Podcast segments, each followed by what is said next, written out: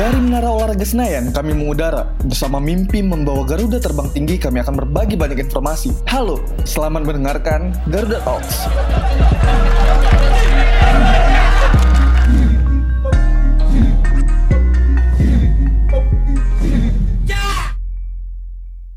Halo Garuda fans, selamat datang di Garuda Talks episode perdana. di Garuda Talks ini kalian ditemenin sama aku, Oji, dan ada satu lagi. Saya Gary dari netizen. Asik. Netizen yang mana nih? Netizen, Netizen banyak yang galak-galak. Ada netizen garang ya? Iya. Eh, karena tak kenal maka tak tahu. Jadi sebenarnya Garuda Talks itu apa sih Mas Gar? Garuda Talks ini kita program dari eh, PSSI ya. Ah, ah. Nah, bahwa PSSI itu kita sekarang eh, selain mengembangkan eh, konten-konten audio visual atau konten-konten visual atau konten teks di website di semua sosial media, kita juga pengen punya konten-konten yang memang fokus di eh, audio gitu. Jadi kan Oh, oke. sekarang kan orang-orang itu nyari konten-konten al- alternatif gimana caranya dia tuh bisa multitasking tapi sambil dengerin juga konten-konten yang informatif gitu loh dan maksudnya di sini PSSI juga eh, mencoba adaptif eh, adaptif dengan apa perubahan-perubahan landscape digital landscape media dan ya ini bagian dari perubahan dari PSSI itu sendiri gitu ya intinya kayak gitulah. Maksudnya ini akan jadi apa platform baru PSSI dan maksudnya untuk juga untuk apa ya untuk jadi wadah. Misalkan teman-teman supporter teman-teman siapa pun itu stakeholder sepak bola Indonesia pengen punya apa ya pengen punya atau pengen dapat informasi-informasi terkini soal entah timnas entah soal kompetisi entah soal atau hal-hal lain yang memang berkaitan dengan sepak bola kayak gitu Mungkin jadi harapannya kayak misalkan ada Garuda fans nih yang kan ada yang males baca atau Hmm, misalkan betul. ibaratnya udah jengah untuk Ya. melihat audio visual kayak grafis atau kayak Ya. gitu. Harapannya mungkin ya dari adanya Garuda Talks ini teman-teman bisa mendengarkan informasi lainnya yang Garuda fans bisa cerna ya gitu nggak sih? Iya, jadi ya intinya kita saling mengedukasi lah. Maksudnya memang kalau bahasa edukasi terlalu harsh Iya. ya mungkin ya. Cuman kita yang memang share insight aja gitu soal sepak bola. Mungkin teman-teman juga ada yang mungkin nggak tahu gitu. Hmm. Dan mudah-mudahan ini juga jadi apa jadi jadi bahan juga untuk nanti kemudian akhirnya teman-teman jadi tahu loh gimana dinamikanya, gimana eh, insight-nya, gimana apa pun gitu soal sepak bola yaitu bisa kita dapat di sini gitu dengan dengan cara-cara yang lebih kasual gitu. Iya betul. Dan kita juga nggak tutup mata dan tutup telinga ya Mas Gara. Jadi maksudnya kalau misalkan ada Garuda fans yang tertarik Hmm. ingin datang atau Iya. ingin ngobrol langsung sama kita, kita sangat terbuka. Silakan nanti bisa hubungi kita langsung di akun official PSSI Iya betul. atau misalkan mau support ide Iya. atau mau kasih ide bisa langsung di sana aja dan Iya. nanti kita bahas. Ya, karena kita intinya ya maksudnya sekarang itu apa jenis komunikasi apa alur komunikasi sekarang udah dua arah dan lebih dari dua arah bahkan dan kita akan terima apa pun gitu masukan-masukan dari teman saran kritik feel free untuk ngasih masukan Oke asik. Iya ada asiknya lagi. You are listening Garda Talks.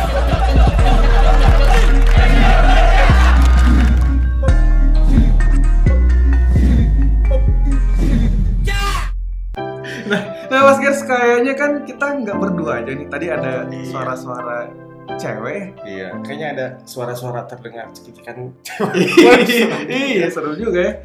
Karena kan dari jauh Tuh, kan ada yang ngomong. Nah, daripada teman-teman penasaran itu suara apa, mending kita kenalan dulu. nih. Ada siapa sih di sini? siapa ya Iya.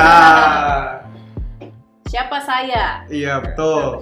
kayaknya teman-teman pendengar juga nggak ada yang maksudnya nggak terlalu asing dengan nama Iya. satu ini karena mungkin sering muncul di timelinenya Iya. atau bahkan Mana mungkin ada- jadi salah satu followersnya begitu. beliau Iya. Iya, iya. Mbak-mbak influencer, mbak-mbak seleb. Ya. What's mana ada Oke, selamat datang untuk siapa? Mbak, boleh disebutkan namanya? Iya. Eh, selamat pagi siang sore malam Garuda fans Eh, saya Shanas kali ini datang diundang sama Ojik nih dan saudara netizen Garang ini kita mau ngobrolin apa nih Nah, kan Mbak Sanas ini kan bekerja di sebuah Federasi. federasi ya, Federasi sepak bola. federasi sepak bola yang bernama PSSI. Oh. ya, kayaknya semua orang tahu deh. ya. kita sebenarnya kenapa ngundang Mbak Sanas Kar- karena menurut kita ya Mbak Sanas itu punya banyak informasi menarik yang bisa menjadi apa ya menjadi insight baru gitu loh untuk mungkin Garuda Fest dan ya terkhusus sih untuk kita berdua ya Mas Gar ya. karena kita sih mau curi ilmu nih ceritanya Oh, sorry. Karena karena gini, Ci, sekarang tuh sepak bola Hmm. bukan hal-hal yang teknis saja ya, bener bener tapi hal-hal yang memang ada di luar itu dan pendukungnya itu dan pendukungnya itu yang malah yang bikin sepak bola itu hidup sendiri. iya bener bener bener bener Dan ya apa ya sporting lah istilahnya sporting tapi memang karena sepak bola udah jadi industri ya itu hal yang penting. Nah, karena tadi kan ada sepak bola, ada industri, terus ada lagi ada Mbak Sanas. Mbak Sanas ini sebenarnya sebagai apa sih Mbak di federasi? Sebagai kekasih kah? Sebagai- Iya. Eh, kalau di PSSI sendiri, eh, saya sebagai title-nya sih sponsorship coordinator. Mhm. Jadi secara umum mungkin eh, tugasnya ya nyari sponsor buat eh, program-programnya PSSI. Dan di Mhm. sini mungkin eh, nggak cuma timnas, tapi kita juga punya kompetisi-kompetisi seperti Piala Indonesia, kita punya Liga 3, kita punya di usia muda ada Piala Suratin, kalau kita punya Elite Pro Academy juga, lalu untuk yang perempuan kita ada Liga 1 Putri sama Piala Pertiwi dan juga eh, timnas wanita nggak ketinggalan. Jadi itu semua adalah eh, event-event yang memang diadakan oleh PSSI eh, dalam lingkupnya yaitu sepak bola. Dan tentunya eh, walaupun mungkin dari kalau dulu kan belum ada nih mungkin 2017 ke, ke belakang ya. Hmm. sponsorshipnya belum ada eh, komersial mungkin belum belum terlalu diperhatikan gitu. Cuma memang jadinya eh, kompetisi tetap berjalan tapi jadi susah berkembang. Jadi eh, ya udah stuck dengan eh, yang gitu itu aja tiap tahun tiap tahun dan tiap tahun. Nah dengan adanya sponsorship dengan adanya stream revenue yang baru harapannya adalah eh, kompetisi-kompetisi ter- tersebut tuh bisa lebih berkembang. Jadi eh, dengan adanya aliran duit yang lebih eh, banyak dan lebih sehat tentunya kita jadi bisa melakukan planning. Kita bisa melakukan perkembangan. Oh kompetisi A enaknya eh, tahun depan kita ada apa nih yang baru? Kita ada apa sih yang bisa menyesuaikan dengan eh, zaman dan menyesuaikan dengan kebutuhan eh, stakeholder stakeholder sepak bola itu sendiri. Jadi eh, itulah kenapa eh, dari 2017 ke atas eh, kita lumayan fokus eh, PSSI lumayan fokus untuk dapat mengembangkan salah satu revenue stream ini yaitu sponsorship Gokil juga, keren banget. Banyak kerjaannya ternyata.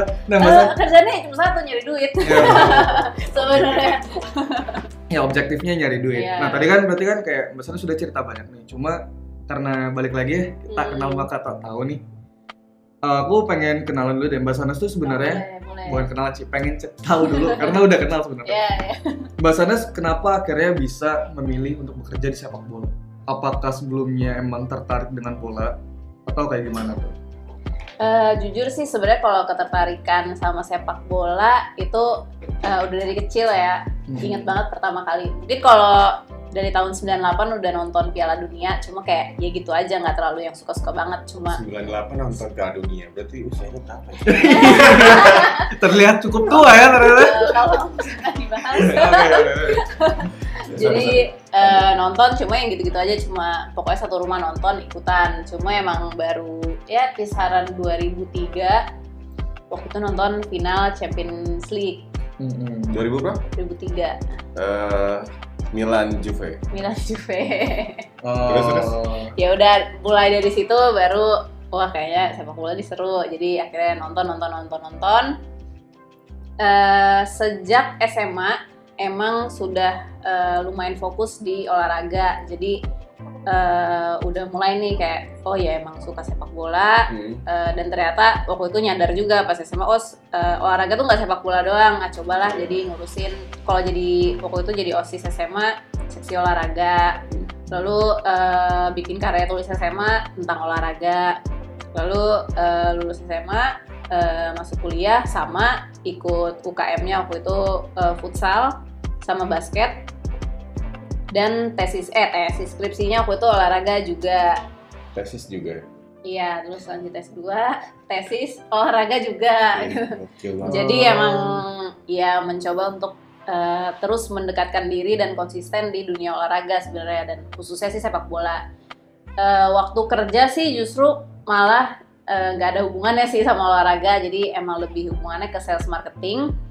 Cuma ya mungkin itulah awal mula jalannya karena kalau nggak bertahun-tahun bekerja di sales marketing itu mungkin nggak keterima sih sekarang di sini sebagai sponsorship di PSSI karena emang modalnya pengetahuannya dan link-link kliennya bermula dari pas jadi sales marketing sebelum kerja di sini.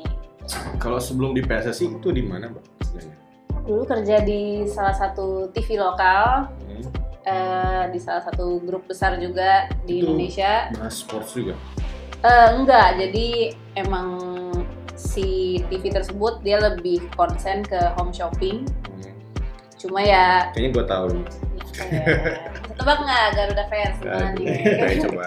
ya pokoknya kalau ditonton eh, 20 pembeli pertama Oh, kayaknya saya tahu tuh kalau gitu.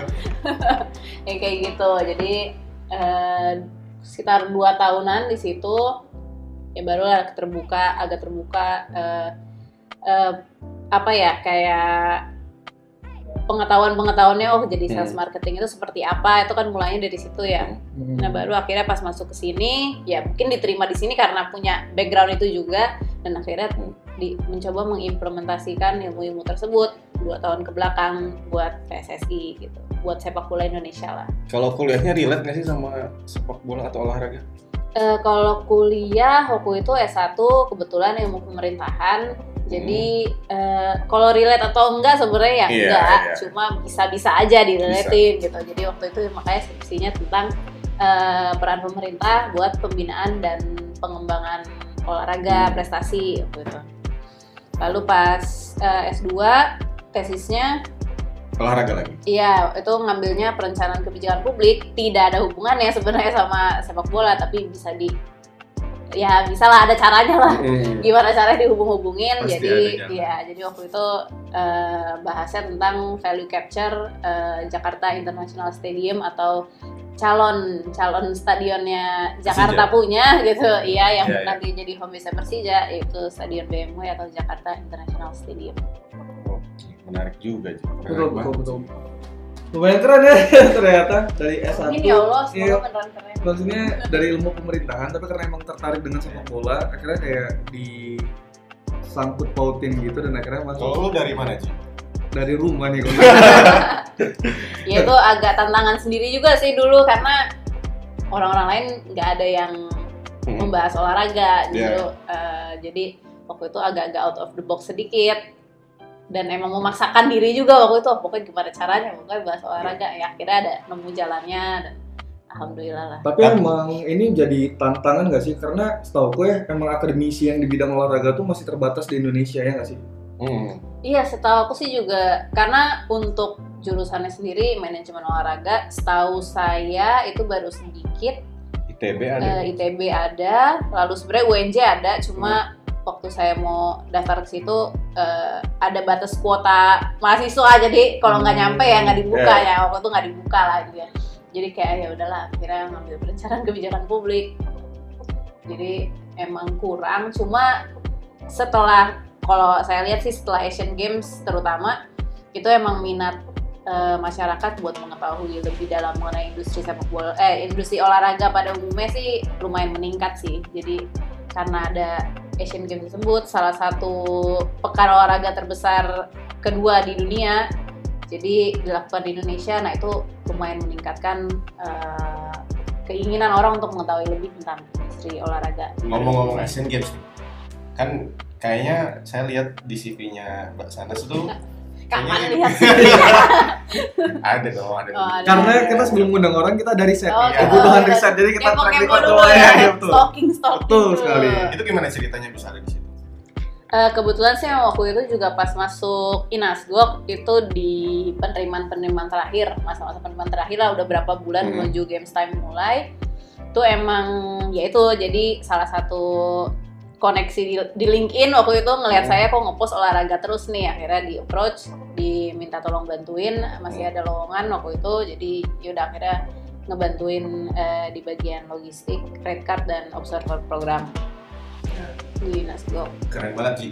Jadi ini juga bisa jadi inspirasi untuk teman-teman yang misalkan eh, suka sepak sepak bola atau olahraga, tapi misalkan jurusannya sangat jauh misalnya, Oh. ini jadi inspirasi sendiri. Maksudnya lu dari jurusan apa pun, ya kalau misalkan lu memang insist, memang punya passion di situ, coba kejar aja gitu.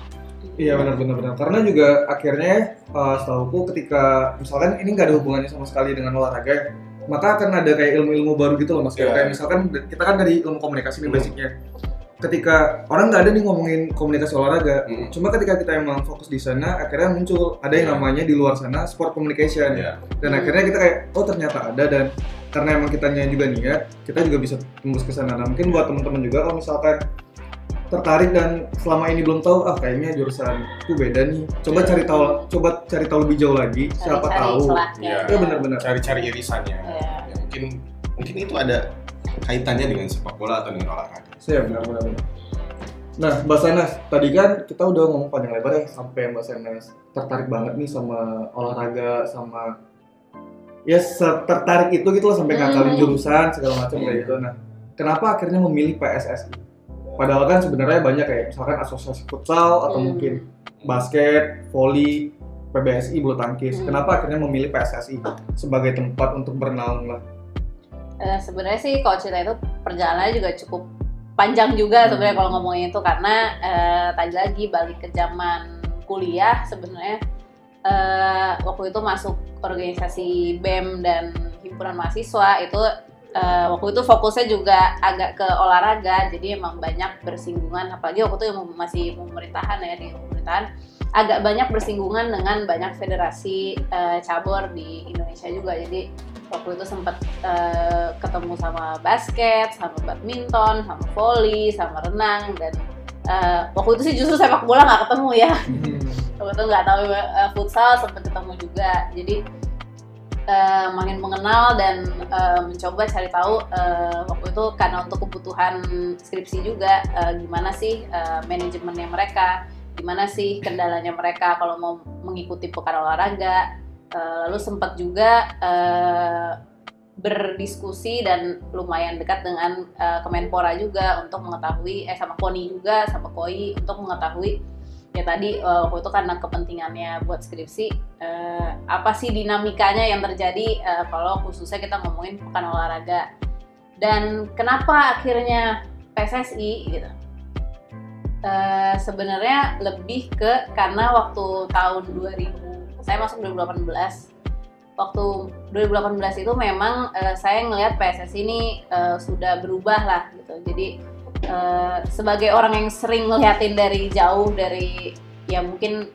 eh, kalau saya ingat-ingat dari 2009 2010 lah udah merhatiin federasi-federasi cabur-cabur di Indonesia khususnya sepak bola kerasa banget di 2018 itu emang udah berubah lah kelihatan kayak oh kayaknya lebih eh, terbuka dan lebih eh, open ke eh, perkembangan zaman lah gitu. Jadi Hmm. dan kebetulan waktu itu juga di LinkedIn nemu eh, lowongannya. Jadi ya udah akhirnya saya coba. Waktu itu keterima eh, dan alhamdulillah sudah berjalan satu hampir satu setengah tahun dan ya emang benar gitu. Yang saya lihat dari luar ini sudah sangat berbeda dari zaman-zaman kapan lah gitu dari zaman-zaman saya masih SMA kuliah Lebih mudah ya. Kayak lebih muda lebih saya. Iya. lebih muda lebih Biasanya apa ya lebih, lebih ber, ah, bergairah. Iya. lebih Sama bergairah ya. sama. ya ya oke maaf Sama. saya bahasa Indonesia Ya karena mungkin ini juga sekaligus jawaban ya untuk banyak orang mungkin yang bertanya bertanya-tanya nih. Kenapa kayak PSSI kok gini-gini aja? Kok kok kayaknya masih ya timnas kalahan terus. Hmm. karena sebenarnya buat kita nih basicnya juga sebenarnya kan pecinta timnas Indonesia kan. Maksudnya kayak pecinta bola kita memperhatikan uh, federasi ini dengan sebegitunya gitu loh. Cuma ketika kita udah masuk ke sini yang kayak Mbak Sanas tadi bilang ya nggak sih Mas Ger? Iya. bahwa mungkin yang terlihat ya belum tentu seperti itu Hmm. karena coba teman-teman lebih peka lagi coba bandingin benar-benar secara objektif ya jangan subjektif Iya.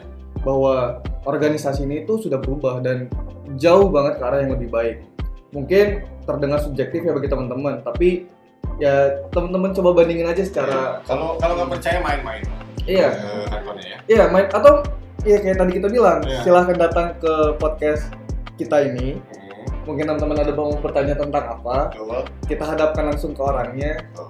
dan kita jadi forum jawab sekalian maksudnya kayak karena kita berharap dengan adanya podcast ini juga kayak pertanyaan-pertanyaan yang di luar sana tuh bisa bisa lurus gitu loh dan nggak jadi tan- tanda tanya besar lagi di para fans yang di luar sana Kayak gitu sih. You are listening Gerda Talks.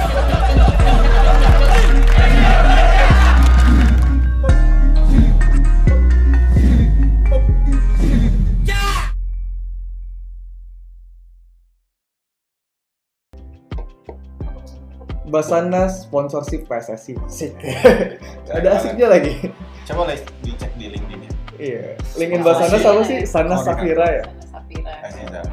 Apa tulisannya? oh S H A N A Z ya Ya, oh Sana Safira Kalau di Twitter bisa ditemuin di mana ya? Sana Chow. Wadaw temennya ini Steve Chow Astagfirullah. Oke Ji, lanjut Ji. Nah, Mbak Sanas, Mbak Sanas kan di sponsorship udah setahunan ya. Ya, Sebenarnya tuh setahun, setahun lebih ya, setahun lebih. Sebenarnya tuh apa agak ada pertanyaan yang maksudnya kayak di kantor ini kalau nggak salah di kantor ini tuh maksudnya di PSSI itu nggak ada AE kan ya, adanya sponsorship. Ya, Nah, sebenarnya beda dari sponsorship sendiri dengan dengan AE atau kebanyakan sponsorship lainnya itu apa sih? Hmm. Eh, sebenarnya sih kalau untuk job desk dan tujuan kerja sih kurang lebih sama ya. Eh, cuma mungkin kalau saya bandingin sama waktu saya jadi AE dulu kan, Hmm. saya kan dulu juga AE. gitu. Hmm. Saya dulu AE di TV, ya memang eh, dia yang dia handle adalah account. Account itu berarti kliennya dan produknya itu ya bermacam. Dulu kan ada on air, ada sponsorship, ada built-in dan lain sebagainya lah. Kalau di TV banyak macamnya. Nah, kalau di sini memang lebih fokusnya ke sponsorshipnya saja, karena memang kita base-nya adalah eh, event dan sekarang ada konten. Nah, itu sifatnya disponsorin si kompetisi dan konten itu. Jadi, kenapa namanya jadi sponsorship? Sebenarnya kurang lebih sih kalau job desk ya sama-sama aja. Pokoknya kita punya account, kita punya klien dan eh, dia mensponsorin eh, kita jaga benefitnya kurang lebih sih seperti itu Nah. perbedaan nama aja kali ya karena fokusnya memang tidak ada eh, nggak banyak macam eh, produk ya emang sponsorship aja skema skemanya Oke, kalau begitu batuk saya.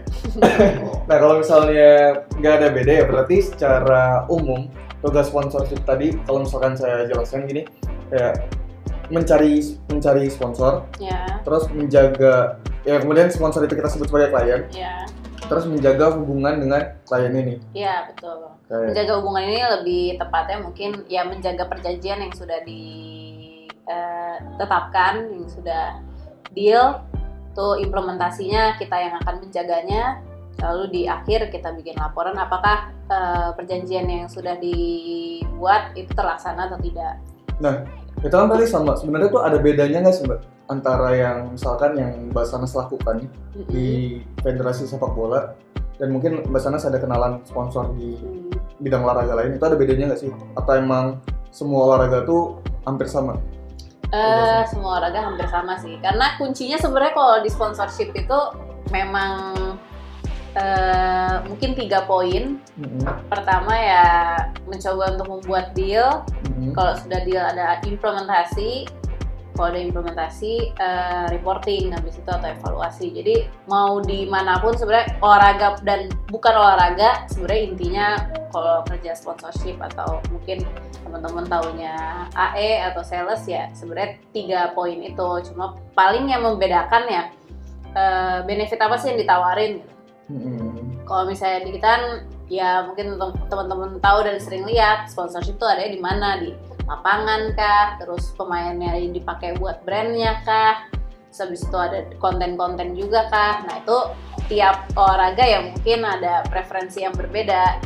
Cuma sih kalau ngomongin secara general saya lihat sih sama-sama aja sih di mana-mana. Sebenarnya kalau jualan sepak bola ya Hmm, dalam tanda petik jualan hmm. Ya sponsorship sepak bola Itu susah nggak sih di Indonesia? Eh, ngomongin susah atau enggak itu sebenarnya relatif. Eh, kenapa? Karena pertama kita harus lihat dulu eh, barang yang barang, cih, barang tanda petik yang kita jual. Jadi eh, dan semua ya seperti hukum ekonomi Hmm. yang berlaku di muka bumi ini nggak cuma di olahraga atau di sepak bola, Iya. yaitu adalah pertemuan antara eh, harga yang cocok dengan kemampuan pembeli yang cocok. Gitu.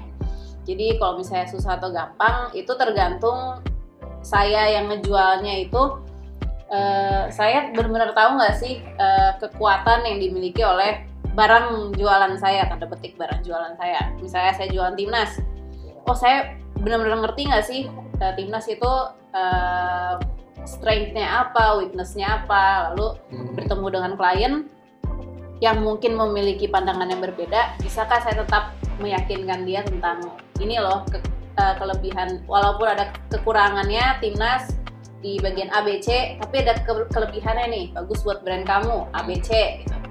Nah itu nanti di situlah sebenarnya eh, keseruan dari seorang sponsorship di bagian negosiasi tersebut nanti baru akan ketemu eh, mungkin kita sebutnya valuasi atau harga tanda petik yang cocok gitu. Yang oke saya sebagai yang jualnya saya merasa memang value-nya nilainya adalah X dan kliennya juga merasa oh dengan yang saya terima value-nya memang X. Jadi saat itu bertemu barulah itu terjadi yang namanya dealing gitu. Dan ya susahnya sih sebenarnya lebih ke situ sih negosiasi tersebut. Karena kita baik dari sponsorship PSSI-nya dan klien pasti memiliki pandangan berbeda ngelihat satu produk gitu pandangan berbeda nih mungkin ada yang bilang nih harganya mesti mestinya Y Iya. saya bilang mestinya harganya Z nah akhirnya kita cari X harga yang yang kita sepakati itu berapa dan kalau masa misalnya ketemu nah itulah baru baru enak gitu. Ya, Enak. dari banyaknya produk yang PSSI punya, maksudnya produk tuh ada kompetisi, Hmm. ada pengembangan sepak bola, ada mungkin ada juga pelatihan, pelatihan apa kursus pelatih, Hmm. kursus wasit. Yang paling susah untuk di dalam tanda petik dijual ke sponsor tuh yang mana sih? Eh, sebenarnya sampai sekarang sih kalau dibilang yang paling susah itu ya sebenarnya untuk kursus pelatih dan wasit belum pernah ada Sponsor in, ya belum disponsorin dan emang belum ada inisiasi eh, ke situ sih. Ini ide yang bagus nih dari Ya. Gary, mungkin bisa nih Ya, kita mencoba mensponsori kursus pelatih dan wasit. Ya. Itu yang paling susah. Iya sih, karena memang eh, kalau misalnya saya dari segi brand melihat kursus pelatih kan eh, walaupun memang masif dia tersebar yang D kan tersebar di Seluruh seluruh Indonesia. Indonesia, lalu habis itu ada jenjangnya juga kan Iya. kalau pelatih ada D, C, lalu naik terus. Eh, tapi memang eh, mungkin secara exposure dari medianya Iya, iya. juga kalau dibandingin dengan kompetisi-kompetisi PSSI masih masih kurang yaitu eh, yaitu sebelum dijual ya harus PR dari internal kita dulu ini memang eh, worth it kah untuk eh, kita lempar ke pasar dan berapa sih valuasinya itu kan harus Oh, dan gue juga, matang-matang. ya sorry, dan gue juga sering dengar ya bahwa yang biasanya sangat sulit untuk eh, dijual adalah soal sepak bola wanita. Hmm. Is that true? Gimana kan?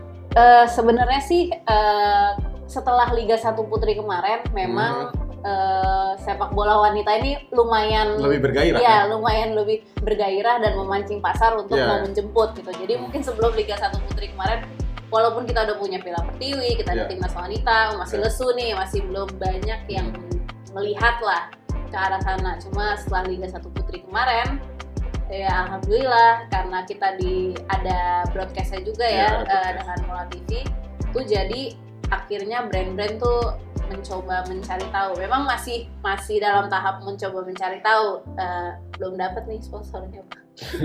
buat, musim 2020, tapi itu juga udah eh, ya udah progres, udah suatu hal yang positif. Oh, Liga 1 Putri kita kemarin terlihat oleh brand-brand mereka ingin menjemput eh, dalam tanda kutip ya pengen pengen coba beli pengen tahu harganya berapa sih nah Ya. gitu jadi itu udah satu hal yang bagus juga sih Sebenarnya kalau menurut gue ya, eh, ketika misalkan gue sebagai brand gitu eh, ngasih kucuran dana untuk sepak bola Indonesia, ya bukan cuma untuk apa ya bukan cuma untuk placement dan lain-lain gua. Hmm. tapi di situ juga lu ngebantu perkembangan sepak bola Indonesia ya kan sih Iya betul. Iya, benar, Jadi ada semangat.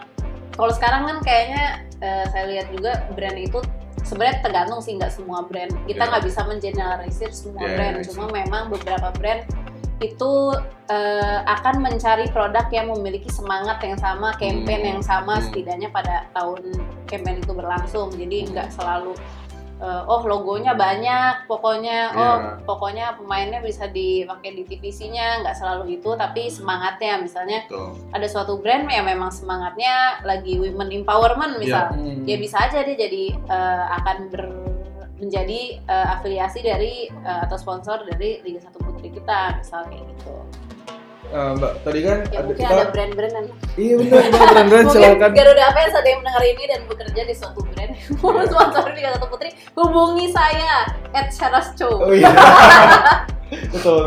Nah, Mbak, tadi kan kita kan ngomong soal Mas Gary juga tadi berapa kali nanti soal barang jualan ya. Hmm. Nah, aku sebagai orang awam tuh pengen tahu kayak misalkan di sponsor tuh barang jualannya apa aja sih? Atau misalkan batas teritorialnya sampai sejauh mana sih? Hmm, Oke, Oke, gitu. mungkin eh, kalau yang saya selalu tekankan ke orang-orang Mm-mm. atau ke brand-brand lah, kalau lagi present itu memang kita punya empat kelompok besar. Mm-mm. Yang satu adalah eh, national team Mm-mm. tentunya, Eh, lalu ada elite competition. Elite competition ini juga sebenarnya terbagi dua ya, eh, yang dihandle oleh PSSI itu ada Liga 3 dan Piala Indonesia. lalu yang eh, dihandle oleh PT LIB yaitu Liga 1, Liga Liga 2 dan Liga 1 U19 atau U20. Lalu untuk eh, women football, women football ya di situ ada Piala Pertiwi, Liga 1 Putri dan Timnas Wanita.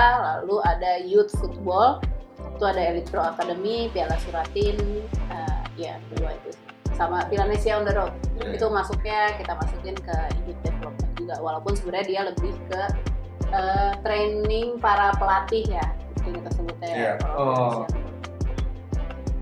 Gitu ya. Jadi kalau misalkan ada brand yang mau masuk nih, itu maksudnya placementnya di mana? Ataukah apakah kok ataukah titling nama Mm-mm. di event tersebut atau dia bisa masuk ke misalkan ke jersey atau kayak gimana Hmm. tuh?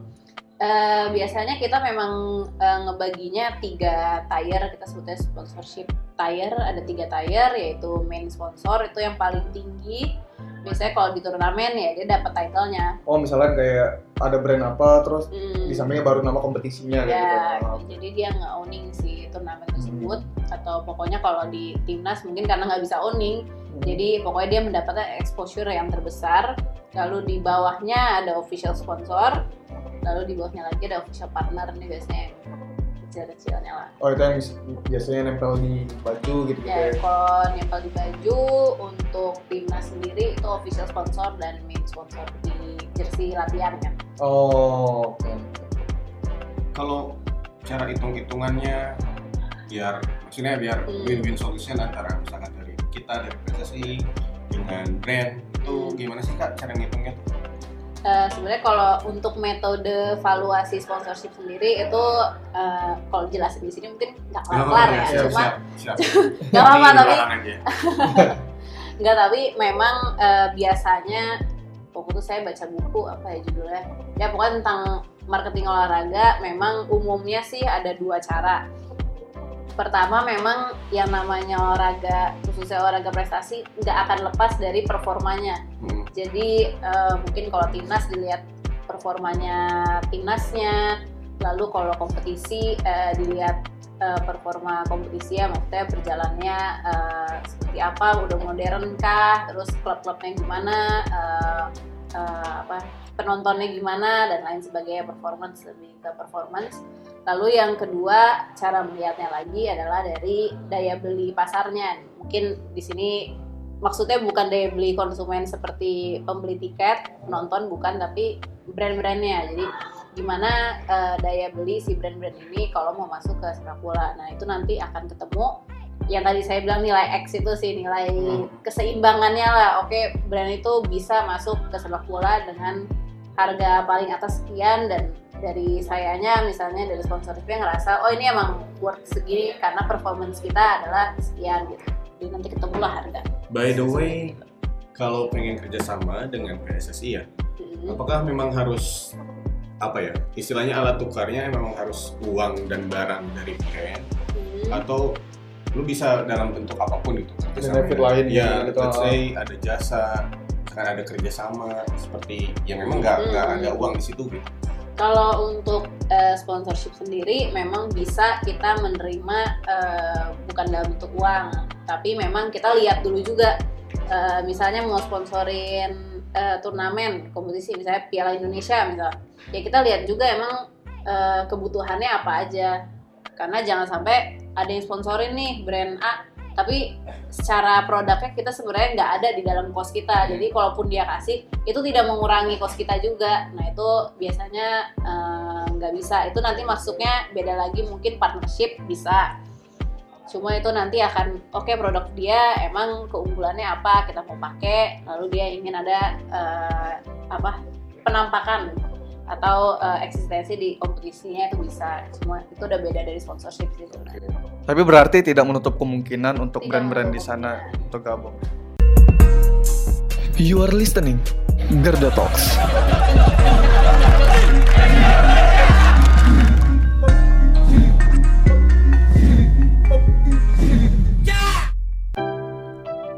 Nah Mbak Sanas kan tadi kan udah cerita banyak ya.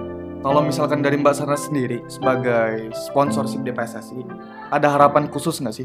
Misalkan untuk brand atau misalkan untuk untuk pasar otomatis netizen Indonesia atau Garuda fans lah ya. Garuda fans Eh Garuda fans. Ada harapan nggak sih? Eh, tentunya sih pasti banyak sih sebenarnya eh, saya sendiri merasa eh, satu setengah tahun di sini mera- apa melihat sepak bola Indonesia ini masih bisa lebih eh, mengenerate eh, pemasukan juga eh, dan saya juga ngerasa eh, ini tuh masih bisa lebih berkembang lagi sepak bola Iya. Indonesia itu industrinya masih bisa lebih berkembang lagi.